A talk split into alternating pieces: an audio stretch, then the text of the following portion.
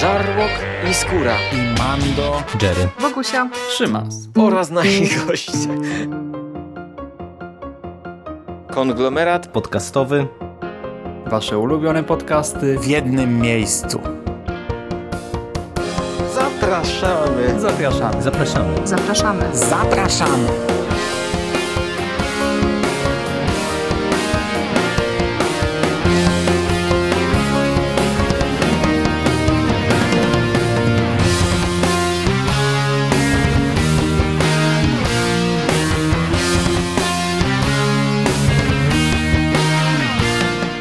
Witam Was w konglomeracie podcastowym, czyli na platformie, która zbiera wszystkie Wasze ulubione podcasty w jednym miejscu. Ja nazywam się Szymon Cieśliński. Możecie kojarzyć mnie jako Szymasa z bloga Necropolitan i z nawiedzonego podcastu, a dziś chciałbym dla Was omówić komiks Deadpool Classic Volume 2. Tak, zajmiemy się dzisiaj drugim albumem zbiorczym Deadpool Classic, wydanym w Polsce oczywiście przez Egmont. O pierwszym opowiadałem jakiś czas temu. Zrobiliśmy ankietę na fanpage'u. Wyszło na to, że chcecie usłyszeć o trzech komiksach, więc omówię dla was wszystkie te trzy albumy o trzech komiksach z Deadpoolem. Tak o to chodziło w ankiecie. I dzisiaj zajmiemy się tym drugim.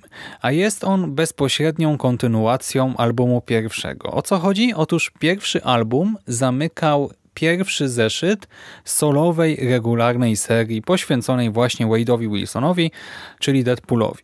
I w tym drugim albumie Deadpool Classic otrzymujemy zeszyty od drugiego do ósmego właśnie tej solowej serii Deadpool. Otrzymujemy także zeszyt specjalny z pewną retrospekcją o numerze minus jeden oraz Annual Daredevil Deadpool z 1997 roku. Zresztą chyba wszystkie te e, zeszyty ukazały się właśnie w 97. I teraz tak. Za scenariusz odpowiada tutaj Joe Kelly. Przy wszystkich tych zeszytach, przy zeszycie ósmym e, wspierał go jeszcze Pete Woods. I na razie może skupmy się na fabule, o rysunkach opowiem osobno pod koniec. Zeszyt drugi zaczyna się rzekomym uprowadzeniem Weasela. Deadpool wyrusza na poszukiwania swojego przyjaciela i w ten sposób dochodzi do spotkania między Wade'em a niejakim Taskmasterem, czyli mistrzem sztuk walki, który potrafi poprzez samą obserwację przyswoić sobie styl walki swojego przeciwnika i Teraz oczywiście wykorzystuje te swoje umiejętności, by stawić czoła Deadpoolowi. Mamy do czynienia z takim w miarę ciekawym nawet starciem, który jednak prowadzi do uszkodzenia ciała Deadpoola i ten wątek jest kontynuowany w zeszytach 3, 4, 5, gdyż okazuje się, że czynnik gojący Wade'a Wilsona znowu zawodzi.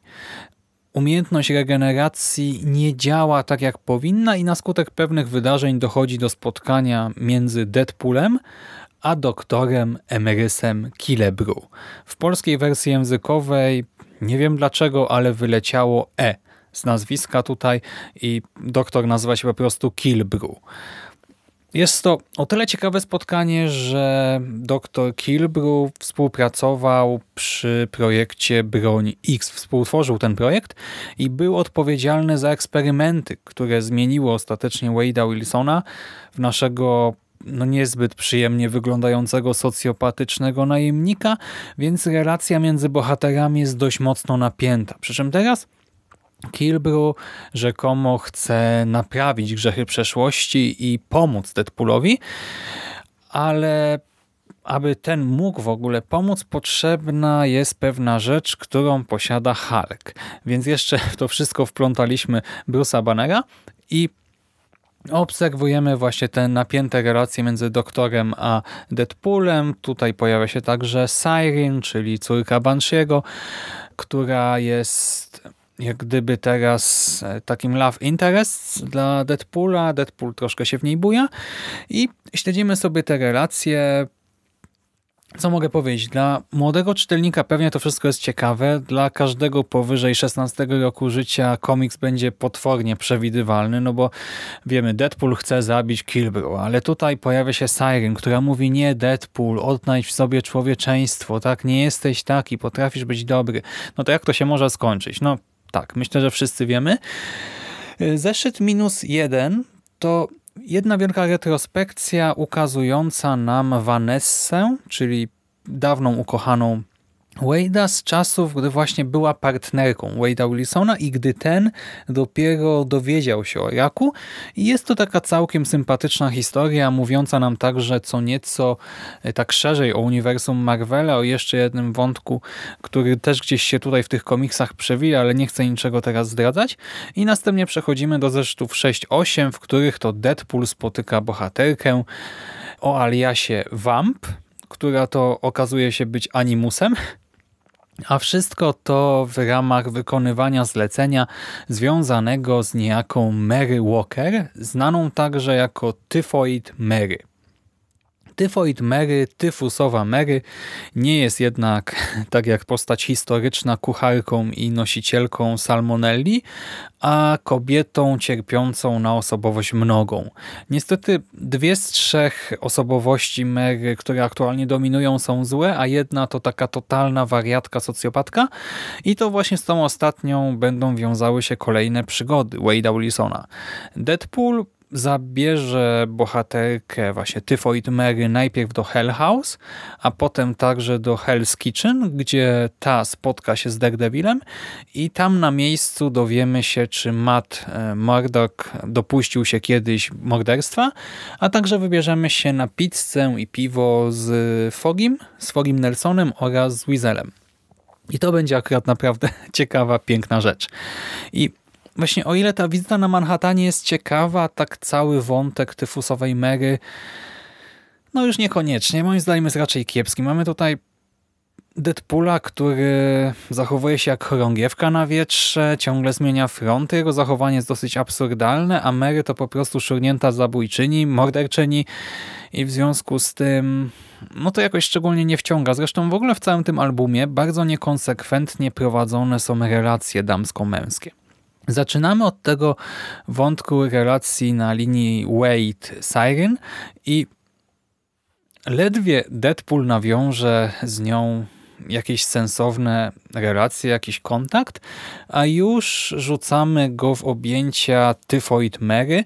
I wprawdzie ta nowa relacja to niekoniecznie romans, ale wątek ten i tak w wielu momentach gryzie się z poprzedzającą go opowieścią, co sprawia, że ostatecznie obie te historie tracą trochę sens i w sumie mamy głęboko gdzieś dokąd te relacje damsko-męskie zmierzają, a jeszcze pomiędzy jedną a drugą opowieścią mamy wątek Vanessy i dawnej wielkiej miłości Wade'a i naprawdę po prostu zastanawiamy się po lekturze w tym kontekście, co autor komiksu chce nam powiedzieć, komu mamy kibicować, czego mamy się spodziewać po kolejnych zeszytach. No troszkę to jest niekonsekwentne. W tych wszystkich opowieściach mamy też sporo foreshadowingu odnośnie przyszłych wydarzeń. Komiks między innymi sugeruje nadchodzące wielkie starcie z T-Rayem, Deadpoola z T-Rayem, czy taką ogromną intrygę związaną z uwięzieniem przez Wade'a Blind Al.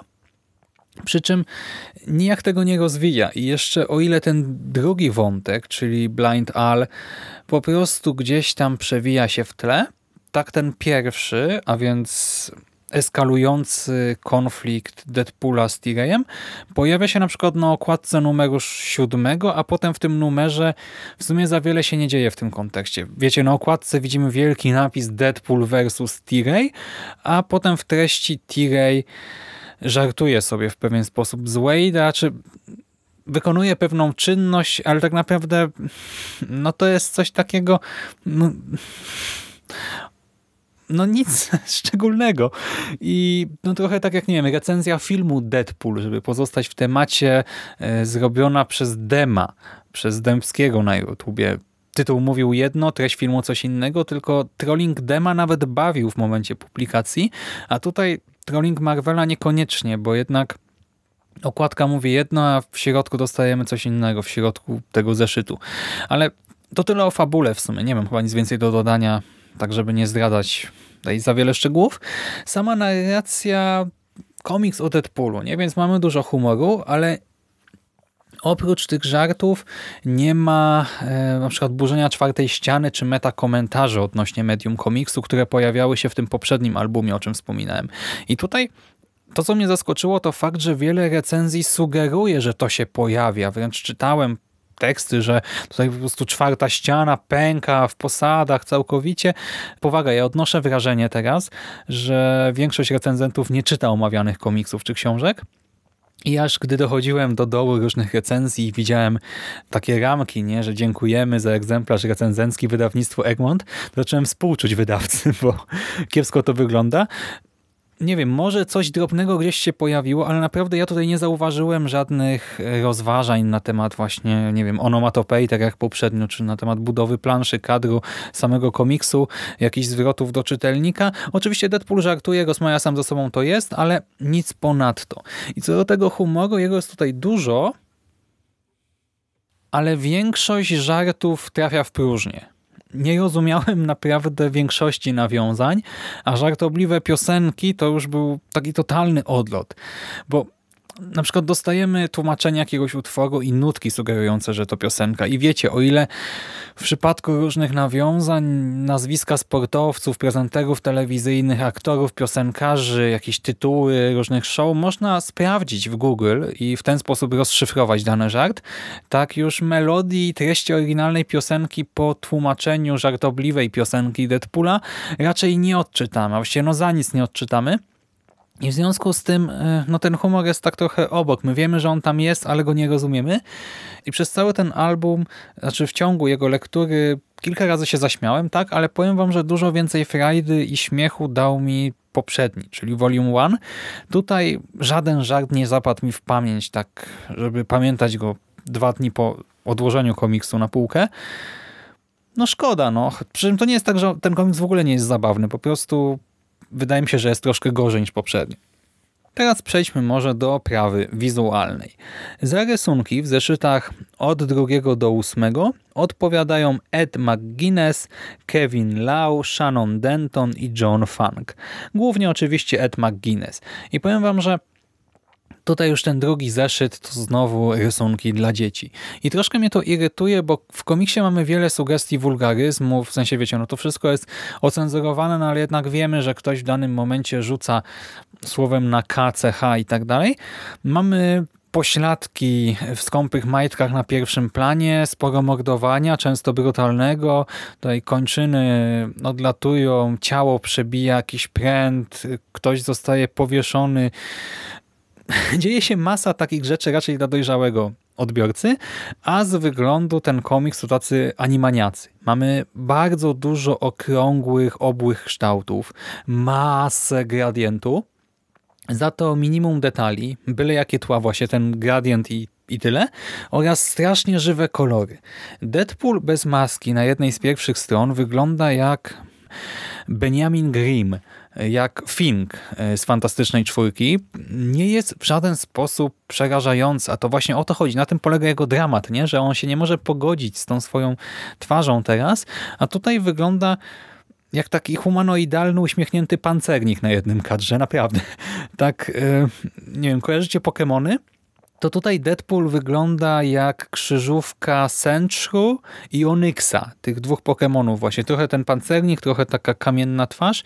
Takie przesłodzone okropieństwo po prostu. I pozostając w temacie Pokémonów, po założeniu maski na jednym z kadrów Wade wygląda jak Diglett. Naprawdę jak Diglett bez noska jakaś patologia graficzna.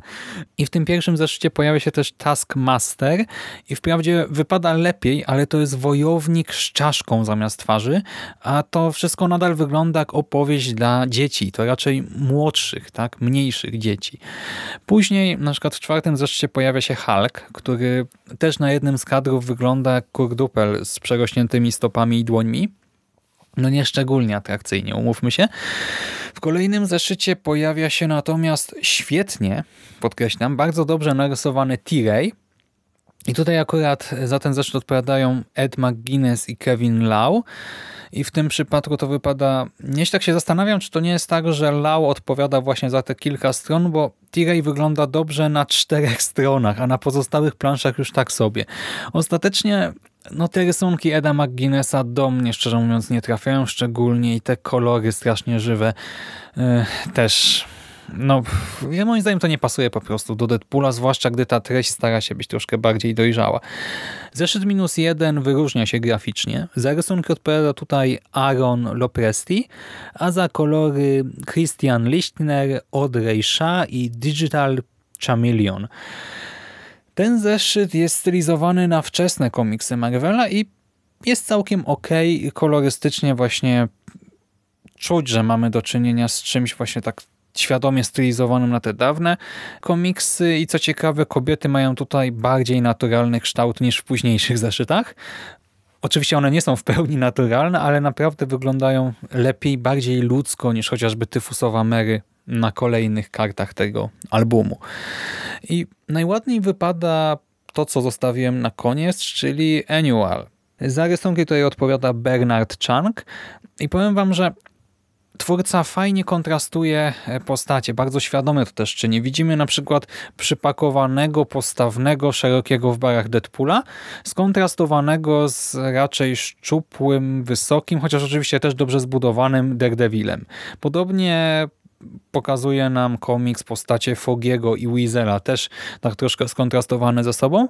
Tyfusowa Mary tutaj troszkę za bardzo świeci pośladkami w skąpych majtkach, ale przynajmniej rysownik jednocześnie robi coś dobrego w jej kontekście, czyli bardzo świadomie gra jej twarzą. To znaczy faktem, że Mary ma pół twarzy pomalowane na biało, a pół normalne i w związku z tym raz widzimy tylko lewą stronę twarzy, raz prawą, raz obie i to wypada całkiem nieźle. Jeżeli chodzi o kolory, odpowiada za nie Liquid, z wykrzyknikiem na końcu, to dominują czerwienie i szarości, co buduje też fajny klimat tego Hell's Kitchen.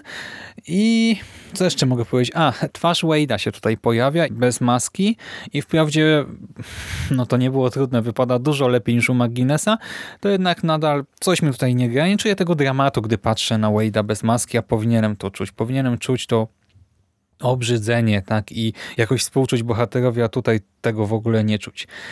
I to chyba wszystko co mogę powiedzieć o rysunkach, więc przejdźmy do krótkiego podsumowania.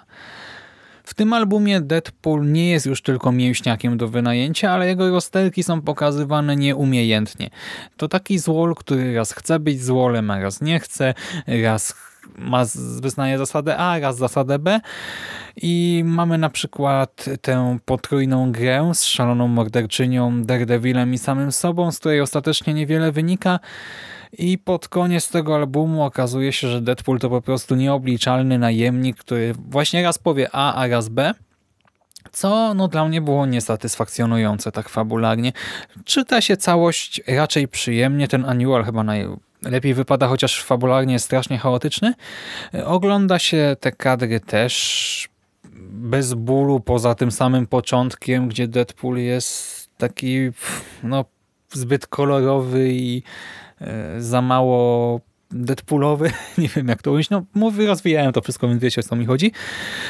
I właśnie fabularnie też najlepiej wypadają wątki zupełnie poboczne, a więc spotkanie pomocników Deadpoola i Daredevila, czyli Weasela i Fogiego, czy cały wątek Blind Al. I tutaj tak naprawdę każde pojawienie się praktycznie jest e, jakimś tam pozytywem. Zarówno gdy rozmawia z Deadpoolem o jego E, romansach, jak i gdy na przykład pojawia się troszkę w tle ten wątek, że Al jest więźniem, gdy się spotyka z Weaselem w pewnej sytuacji, czy gdy otrzymuje psa i tam się też dzieją różne zabawne rzeczy w tym kontekście. Wątek Al, wątek Weasela e, czy Fogiego, to wszystko jest całkiem sympatyczne, ale te główne historyjki jeszcze gdyby to do czegoś zmierzało tak bardziej konsekwentnie, czy to te wątki romansowe, czy wątek przemiany Deadpoola z najemnego zbira w superbohatera, no to wtedy byłoby ok. A tak, no jest ok, ale raczej do zapomnienia. Tak naprawdę ja nie wiem, czy ten album nie da najwięcej frajdy fanom Daredevila, bo rozwija wątek tego, czy Daredevil zamordował kogoś kiedyś, czy jednak nie. I to w sumie wszystko ode mnie na dzisiaj. Ja nie żałuję tej lektury, ale tak jak mówię, no trudno to komuś jednoznacznie polecić, zwłaszcza jeżeli ktoś nie jara się jakoś super mocno Deadpoolem. Już nie będę przeciągał, tylko kończę na dzisiaj i sięgam po trzeci tom. Zobaczymy, może tam będzie troszkę lepiej, a może gorzej. Ale o tym usłyszycie za jakiś czas. A teraz to już wszystko ode mnie. Trzymajcie się ciepło i do usłyszenia następnym razem. Cześć!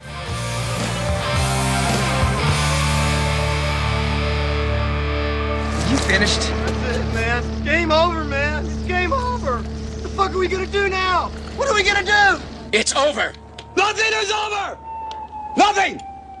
You just don't turn it off.